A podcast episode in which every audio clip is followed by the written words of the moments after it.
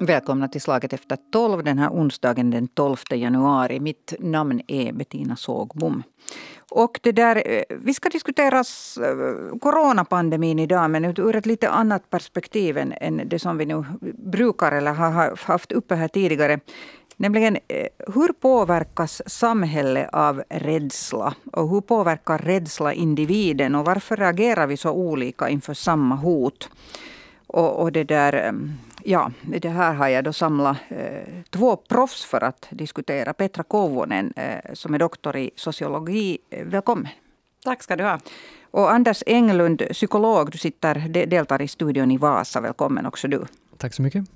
Det där, eh, jag tänkte börja med att eftersom åtminstone du Petra nu i slag efter tolv, vad jag vet har du inte mm. medverkat förut. Att det där, du är doktor i sociologi, eh, men vad jobbar du med? Jag jobbar på en stiftelse som heter Självständighetsjubileets barnfond. Mm. Eh, förkortningen är ITLA på, på finska. Eh, vi är kanske inte så kända för alla. Eh, vi var en väldigt liten stiftelse fram till 2017 faktiskt. Då vi fick en större donation av, av det där finska staten kan mm. man säga det var så att, att man ville på något sätt satsa det året när Finland fyllde 100 år på barn och, familjer och, och, unga. Och jag jobbar där med, särskilt med evidensbaserat stöd till sådana som jobbar med, med barn och unga och familjer. Försöka få dem att eh, jobba på det sättet att vi skulle kunna jobba mer effektivt och mer riktat med, med barn och familjer. Det låter som ett, ett sånt här jobb eller ett uppdrag som har haft särskilt stor eh, Eh, hur ska, betydelse nu de här senaste åren under pandemin. Mm. Absolut. Ja, ja. När vi talar om rädsla så, så är kanske just liksom, vi kan se det som en axel mellan att man eh, det som vi säkert ska diskutera idag, mm. att, att man, man kan ha som argument eh, antingen mera, mer eller mindre sånt som bygger på, på, på rädsla och skrämsel, eller sen kan man ha sakargument. Och, och i den här covid-situationen hade ju varit ganska svårt med sakargument när, när det inte funnits så mycket i början av, av, av epidemin. Mm. Eh, Anders Englund, hur har du i ditt arbete som psykolog märkt av den här pandemin som vi nu lev, lever med redan det är nästan två hela år snart? Mm. Under pandemin har jag haft lite olika patientgrupper och speciellt när jag jobbar med studeranden och uh, i den gruppen då utbytesstuderande så såg man ju jättestora Eh, effekter och följder för den gruppen när det kommer till social isolering, när de har kanske skyddsnätverk på det sättet. Mm.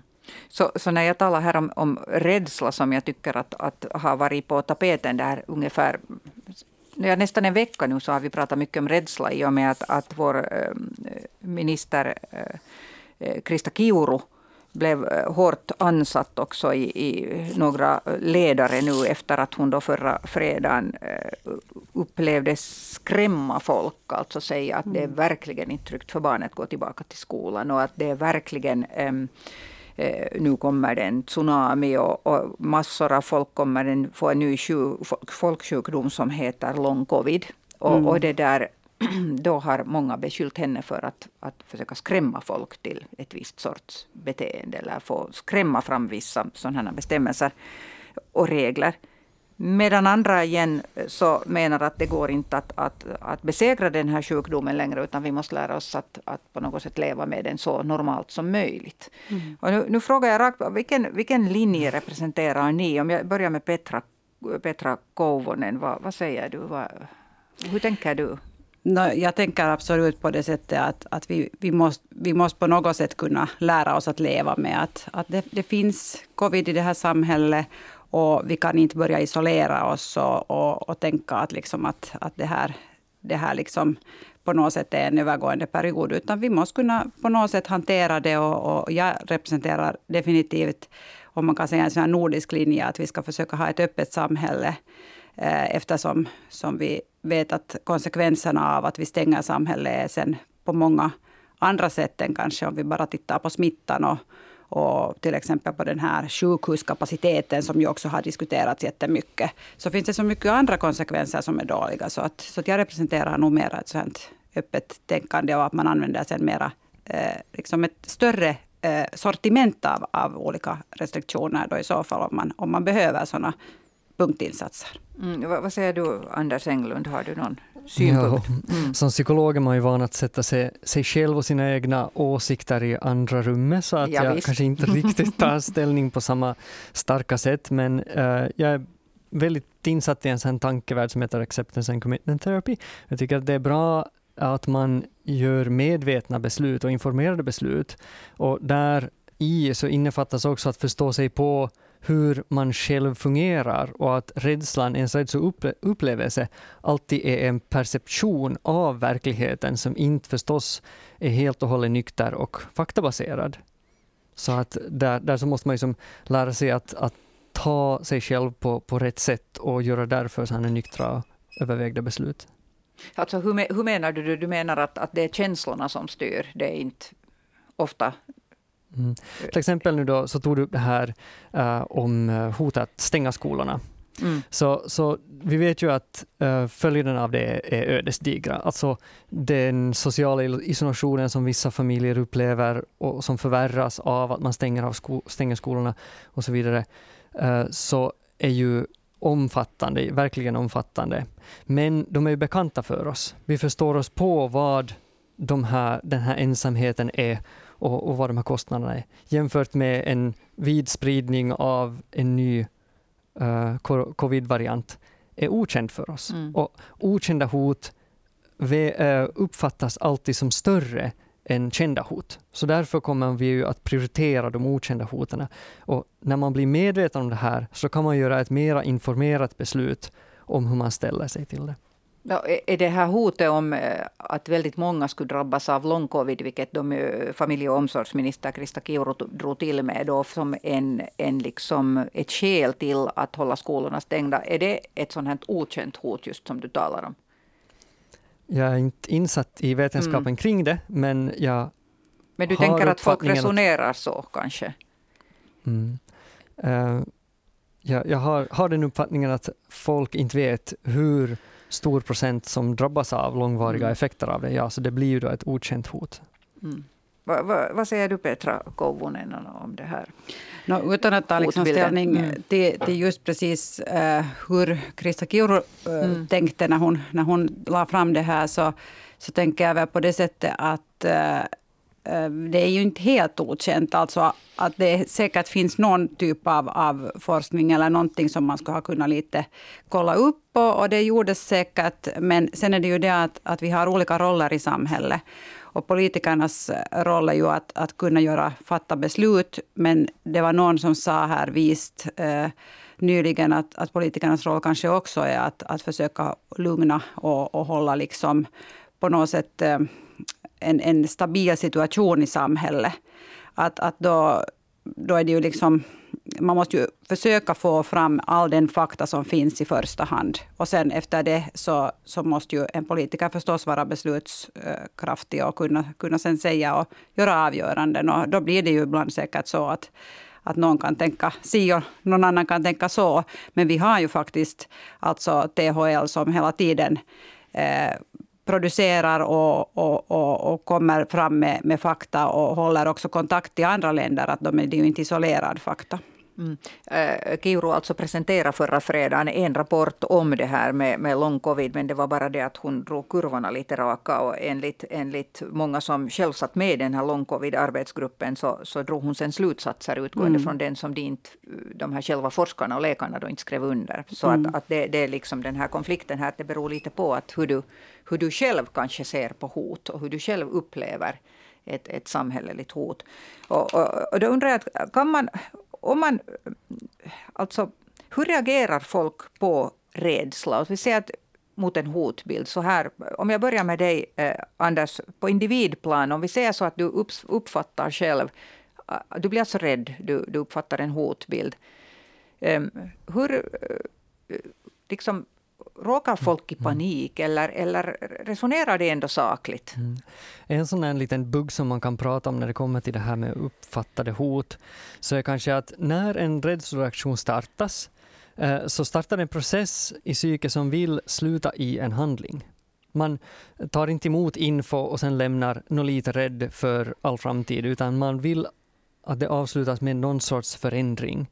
Och i sådana fall där man kanske tittar på hur andra i samhället beter sig och så eh, fokuserar man på dem och vill att de ska ändras. Då går man in på en väg där man försöker kontrollera någonting som inte låter sig kontrolleras. Om det inte är någonting som du direkt kan påverka så kommer det eventuellt att bli väldigt, väldigt dyrt. Det kanske kostar dig um, dina dina sociala resurser, att du blir ovän med folk om du försöker kontrollera dem på det sättet. Eller just om vi pratar om på samhällelig nivå, så kan det bli en, en väldigt stark felprioritering där vi ödslar väldigt mycket resurser på någonting som inte riktigt vill låta sig kontrolleras, för att vi är benägna att inte nöja oss förrän rädslan har lett till en reaktion. Är det då en flykt eller en fäktarreaktion så avgör ju situationen. Men problemet är just det att vi har så olika nu syn på det att går det här att kontrollera eller inte. Mm. Är det inte det som är problemet? Det finns ju alltid, mm. om jag får säga så, ja. det, det, finns ju alltid delar i en situation som man kan påverka. Eh, inom psykiatrin kan man prata om som en livsstilskomponent i, i alla problematiker. Om det då är en somatisk sjukdom som är helt bevisat att det liksom beror på att du har ett brutet ben, så finns det ändå personliga val som man gör i varje dag. Och via de här valen så kan man påverka hur omfattande de här sekundära problemen blir. Och detsamma gäller även i den här pandemin. Mm. Petra? No, som sociolog så säger jag ju det liksom mer kanske på det sättet ur ett samhällsperspektiv. Att in, inte så hemskt mycket på, på liksom att hur personen reagerar i den här mm. situationen. Men jag tänker liksom att, att det handlar nog hemskt mycket om det där att hur mycket också politiker kanske tänker att, att folk klarar av att, att leva liksom med, med en viss liksom ovisshet och våga också kanske ärligt säga att idag vet vi det här, men vi vet inte, inte det här. Att, eh, att kanske liksom...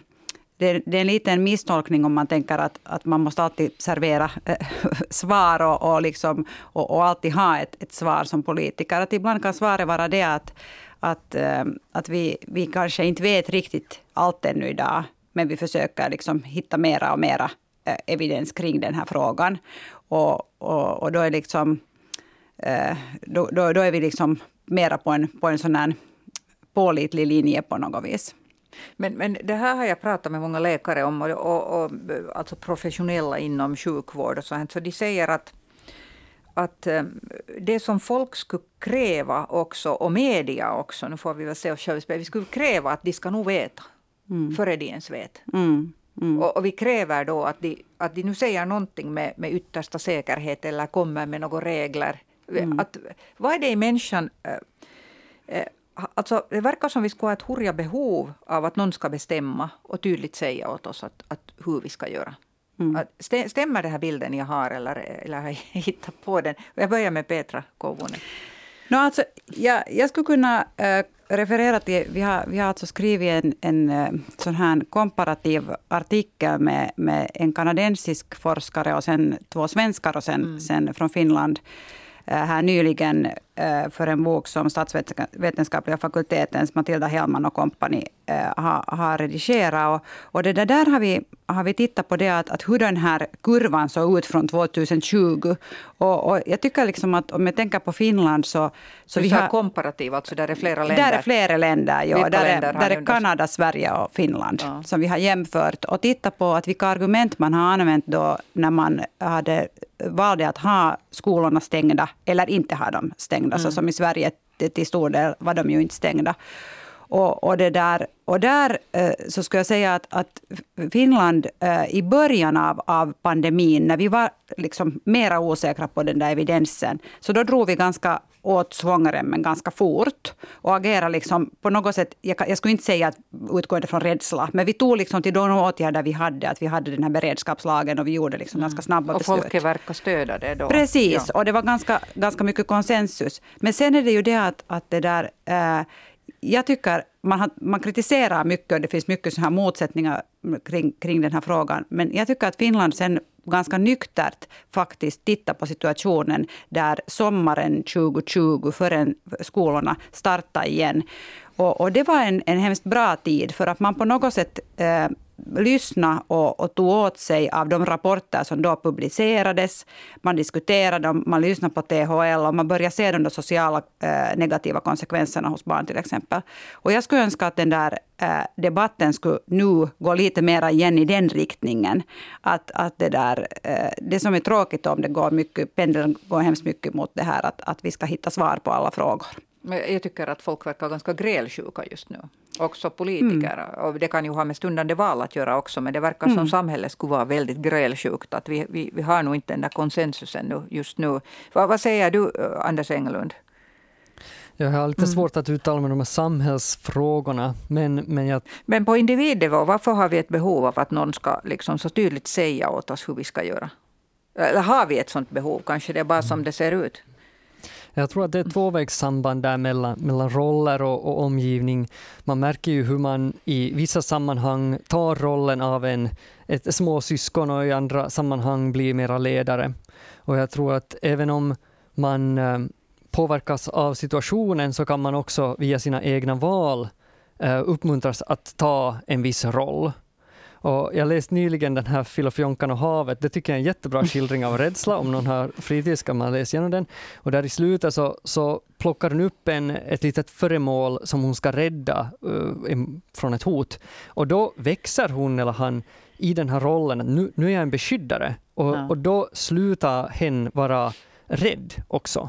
Mm. Så, så jag tror att där, där i kan vi liksom fråga oss att när vi beter oss på ett visst sätt och lägger det här ansvaret i andras händer och säger att ni ska säga åt oss precis hur det är och, och hur jag ska bete mig. Eh, är det, eh, vad heter det, lugnar det någon sorts otrygghet hos mig och skulle jag kanske växa in i rollen om jag skulle ta det där ansvaret själv? Eh, du talar då om att om individen skulle istället för att vänta bli arg och skrika att varför säger ingen åt mig hur jag ska göra, att man skulle liksom på ett sätt själv ta ansvaret för sig själv. Det är det du menar? Precis, ja. att, att mm. de här politikerna som ni har nämnt, så det är som, de är människor de också, de gör ett jobb mm. uh, och, och, så ska vi ta det som ett face value vad det är. Deras arbetsinsats är vad den är och sen så tar jag den till mig samtidigt som jag läser på egen hand och så vidare och gör ett övervägt beslut, informerat beslut. Mm. Varsågod Petra. Ja, alltså, det, det, är intressant det där, för att det, om, om, man skulle lite så här så att säga nu knippa ihop de här som jag talar om, de här länderna, så det där är lite den svenska linjen, att, att man, man har ju hemskt mycket uh, betonat det att, att folket ska själv liksom kunna välja och folket ska själv ha en, en röst och, och det där öppna samhället och, och fria valet har haft en mycket starkare ställning i, i Sverige än det har haft hos oss. Att, att, att det, det skulle vara fel att säga att eh, vi har hemskt mycket olika traditioner. Tvärtom tror jag vi har ganska mycket samma traditioner, men i Sverige har det vägt mycket, de här argumenten. I Sverige dock, så det, det vet vi att, att det, har, det, det tål att framhävas att ännu idag så är ju, är ju själva siffran, alltså antalet döda, är, är i covid är mycket större än i Finland. Så att, att, men vi får se någon gång så efter att det här är över, om det någon gång är över, känns ibland så, så, mm. så kommer man säkert att, att eh, veta mera. Men om jag får ta fasta på ja. det där, så, så det, där, det, det, är helt sant. Men sen kan vi också fundera på att det finns olika typer av konsekvenser. Mm. Och, och, vi kommer också någon gång att, att värdera att hur ser till exempel eh, skolbarnens eller ungdomars som mentala hälsa som inte nu är så bra. Så hur mm. ser den ut efter, efter tio år i Sverige och hur ser den ut i, i Finland? Att, att man, det som man har gjort i Sverige, eh, när man tittar på, på liksom dödlighet, så den, den kan vara en ödesdiger siffra. Men sen igen så har man, när man tänker på barns och ungas mentala hälsa, kanske eventuellt, jag säger inte att det är så, men eventuellt gjort, gjort ett riktigt bra jobb med, mm. med tanke på att, att man har hållit hobbyna, hobbyverksamheten igång och man har hållit skolorna ganska långt öppna. Det här med hobbyverksamhet är ju en hett, hett samtalsämne här i Finland också just nu. Att, att det där, ehm, och särskilt då det gäller ungdomar så idrottsföreningar och sånt här eh, har slagit larm för länge sedan och sagt att de har förlorat en massa eh, barn och ungdomar som inte, inte har kommit tillbaka så samtidigt som det då publicerades här för några dagar sedan en, en forskning också, eller ett nödrop från THL om att fetma är ett, ett allt växande problem i det här landet. Så att här är många saker som säkert kommer först att visa sig efter ett antal år. Mm, det är jättebra poäng som Peter ja. tar upp. Och mm. Det handlar ju också om liksom, eh, osynliga tillskottsföljder. Och utöver det så behöver vi komma ihåg att det finns så att säga osynliga bortfallsföljder också. Att eh, en individ har ju eh, vanligtvis en viss period under utvecklingen då den tillägnar sig vissa förmågor.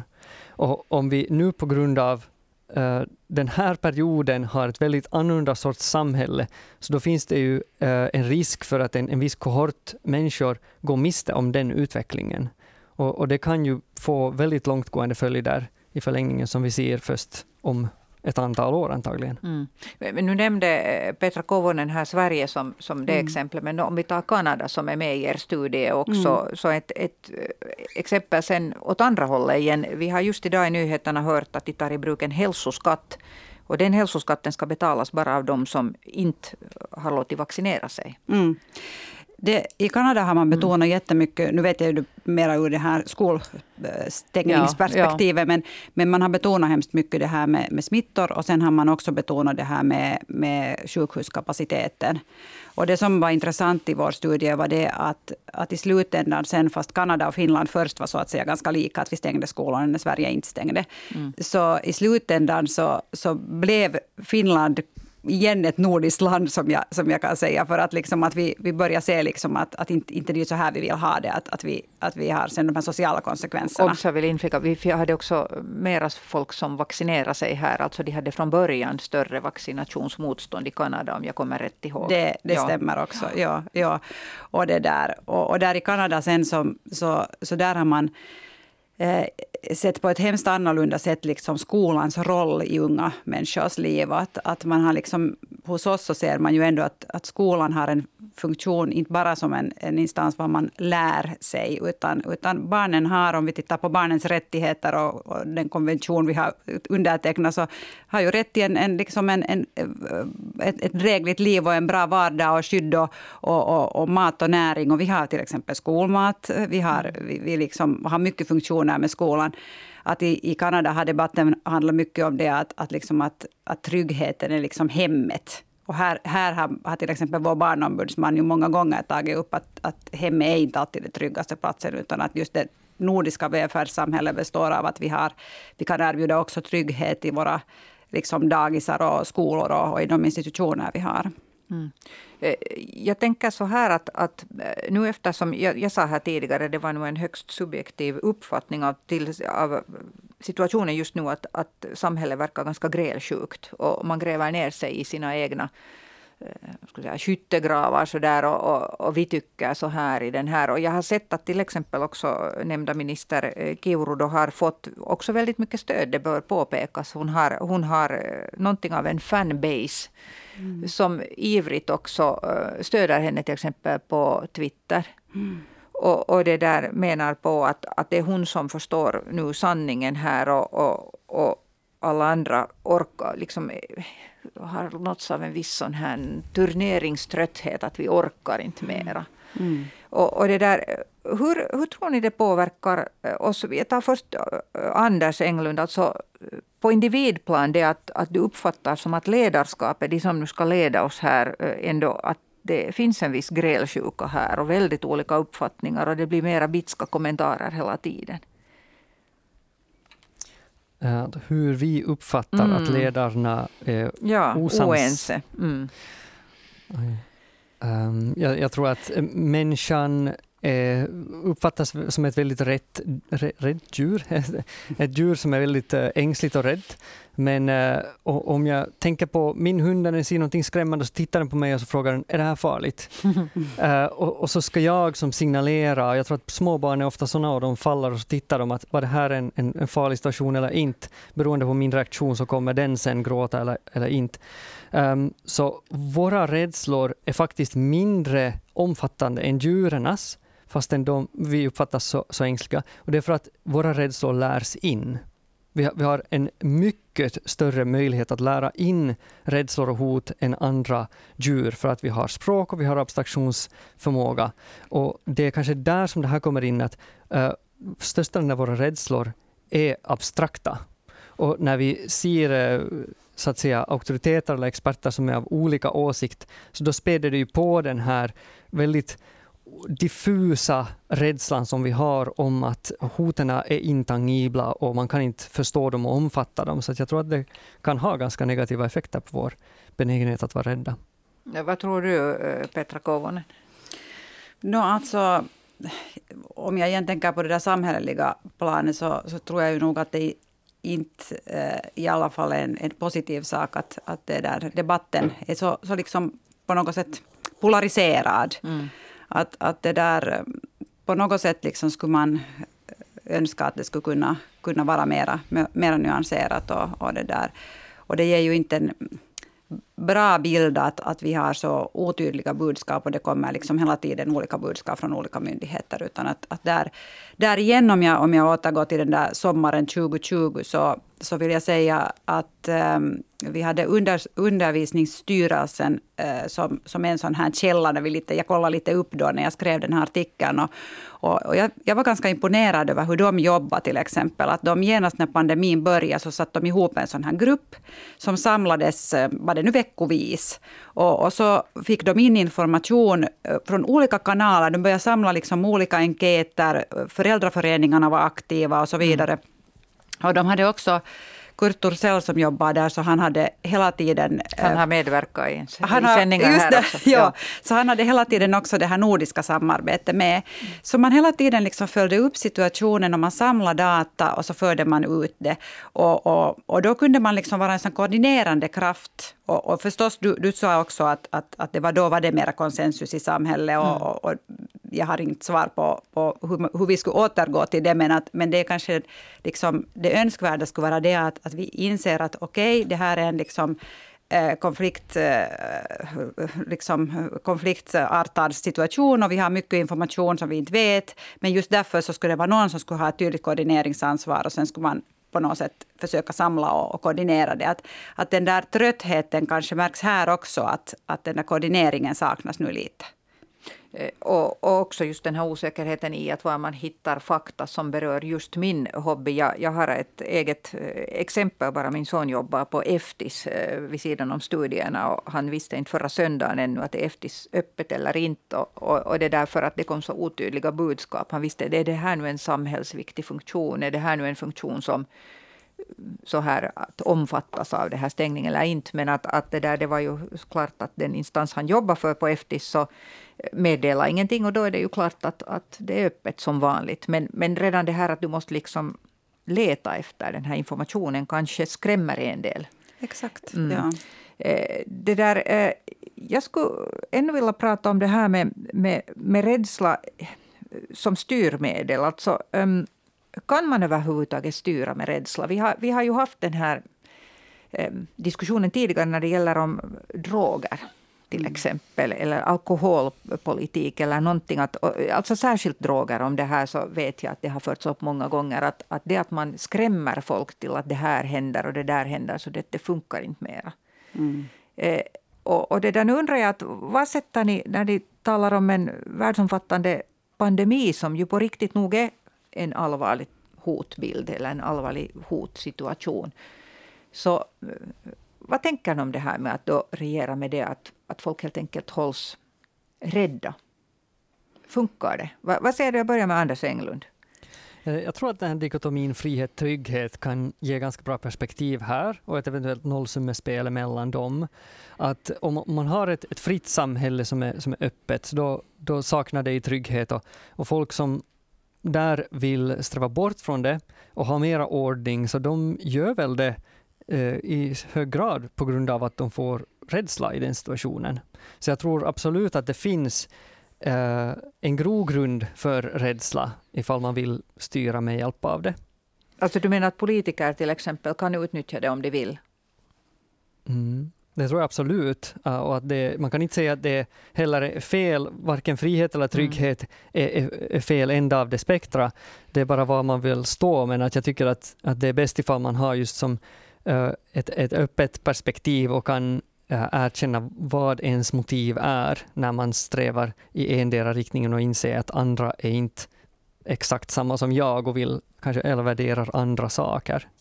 Mm. Vad säger du Petra Kouvonen om det här med att, att helt mm. enkelt styra med det är ju helt, rädsla. Det är helt möjligt mm. att, att, att använda rädsla som, som ett redskap. Men jag skulle nog säga att oftast använder man ju i dagens läge mera sofistikerade metoder, att man får människor att agera som, som man vill. I demokratiska samhällen åtminstone. Precis, ja. i, i, mm. i, sånt som, som vi lever i. Men, men, det, där, eh, men det är klart att, att nu de här valtiderna och så här, så det, det blir liksom polariserade debatter och, och, och, då, då blir det där rädslan kanske kommer mera, mera fram som ett, ett sådant medel. Men, men nu tycker jag liksom att, eh, att vi har liksom all möjlighet att, att styra på, på mycket andra sätt. Att, att vi har ett samhälle som, som, som använder styrmedel eh, har ju ofta liksom olika faktakällor. Och, och just det här som jag nämnde med, med att, att vi, vi har olika källor till, till information. Så ta hellre vara på dem och, och, och se till att allas arbetsfördelning är mera klar och så där. Så då, då kanske det inte finns så mycket utrymme för den där den där, den där rädslan som, som styr. Men problemet är mm. just det att man tolkar informationen så olika. Mm. Man har samma information men tolkningen är helt annorlunda. Att vilka slutsatser ska vi dra av den mm. informationen? Så är det ja. ju. Och vem har hört vilka, vilka eh, sakkunniga och, och, och, så vidare. Och därför skulle det kanske just vara hemskt viktigt att vi skulle ha den där liksom koordineringen klarare. Mm. Eh, vad säger du Anders Englund?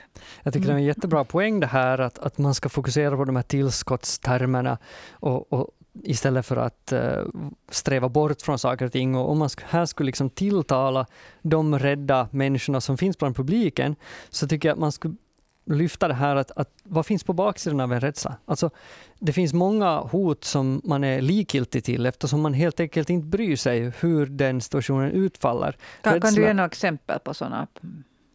Uh, ja, så att uh, om... Mm. Uh, sånt, sånt som vi är likgiltiga till, som Ja, så, mm. så, om det finns ett hot för nedstängning av en sport som inte jag ah. känner någon som idkar, alltså typ uh, diskuskastning eller någonting. Så det, det, har, det har några, jag vet att det finns ett antal i, i Vasa som sysslar med det och det är jättetråkigt för dem om de inte kan träna. Men jag är inte rädd för att det ska hända för att jag är sist och slutligen ganska likgiltig till just den grejen. Medan om någonting händer med mina nära och kära, så då kommer jag ju snabbt att reagera med rädsla. Och jag är ju benägen att reagera då, som jag sa tidigare, att får jag en rädsloreaktion så vill jag att det leder till en handling. Men att om man där skulle hinna stanna upp och fråga vad finns på baksidan av den här rädslan, nämligen en värdering, alltså mm. det är någonting som får mig ur stolen. Och om jag kan fokusera på den, så då kanske jag får istället sådana positiva eh, beteendemönster att, att aktiveras för att engagera mig i den värderingen. Om det då är till exempel en hobby som jag gillar eller någon person mm. som jag vill det, det här låter ju nu som om, om, om, våra, de som beslutar, alltså att de borde gå hos eh, en psyko, psykolog som skulle hjälpa dem att se baksidan på och, och liksom väldigt analysera varför man reagerar som man gör. Mm. Absolut, jag, jag tror att, att om man kan accept, äh, lär sig att acceptera att rädsla hör till det normala livet så kan det bli till en mer meningsfull känsla. Och äh, politiker är också människor som du lyfter upp, att, att det är klart att man där skulle, om man är beredd på att ha rädsla och härbärga den, så skulle man kunna leda på ett lite annorlunda sätt. Äh, det kanske är någonting som man i längden skulle tycka att är belönande. Mm. intressant tanke där. Jag måste säga. Jag, jag, ännu här slutligen, för tiden tar slut här, just så, så, det där, så stötte jag på ett begrepp som heter elitpanik. Har ni hört om det? Nej. Nej. Nej. Alltså det, det, är en forskare som jag nu dum så jag vet inte, jag har tagit fel lapp med mig och förlagt hennes namn, men det är en finskfödd forskare vid uh, University of London som, som det där, blev intervjuad i Helsingin Sanomat för några dagar sedan om det här som hon, det här uh, begreppet elitpanik. Och, och hon säger då i den här artikeln så att um, när det händer sånt här, som, som hon menar att coronapandemin är ett, ett tydligt um, exempel på det här. Så hon menar på att eliten, alltså de som bestämmer i samhället och också de som är mera välbeställda, eh, har mycket lägre tröskel till panik än det så, så att säga vanliga folket. Att de tycker om att, att säga att de fattar sina beslut för att undvika panik, eller vi säger så här för att inte folk ska gripas av panik, men de facto så grips vanligt folk väldigt sällan av panik. Att när har vi ens sett det senast, att stora folkmassor grips av panik? Jag tyckte det här var en mm. alldeles fascinerande idé och tanke. Och jag började mm. själv fundera att när har vi senast sett... Det är ju klart att sker det en naturkatastrof så flyr folk i panik och så här. Men, men så där i en sån här situation. Ja. Jag tänker liksom att, att det, där, det där handlar ju lite också om vår tilltro till myndigheter och, och, och hur mycket vi så att säga lyssnar på, på myndigheter och, och gör våra beslut på basen av det. Eller gör vi liksom lite mer självständiga eh, beslut. Att, att, på något sätt så, så tänker jag så här att, att politikers budskap äh, faller säkert i ganska olika jord beroende på vem som lyssnar. Men, men det är helt klart att, att alla tar ju inte dem på samma sätt.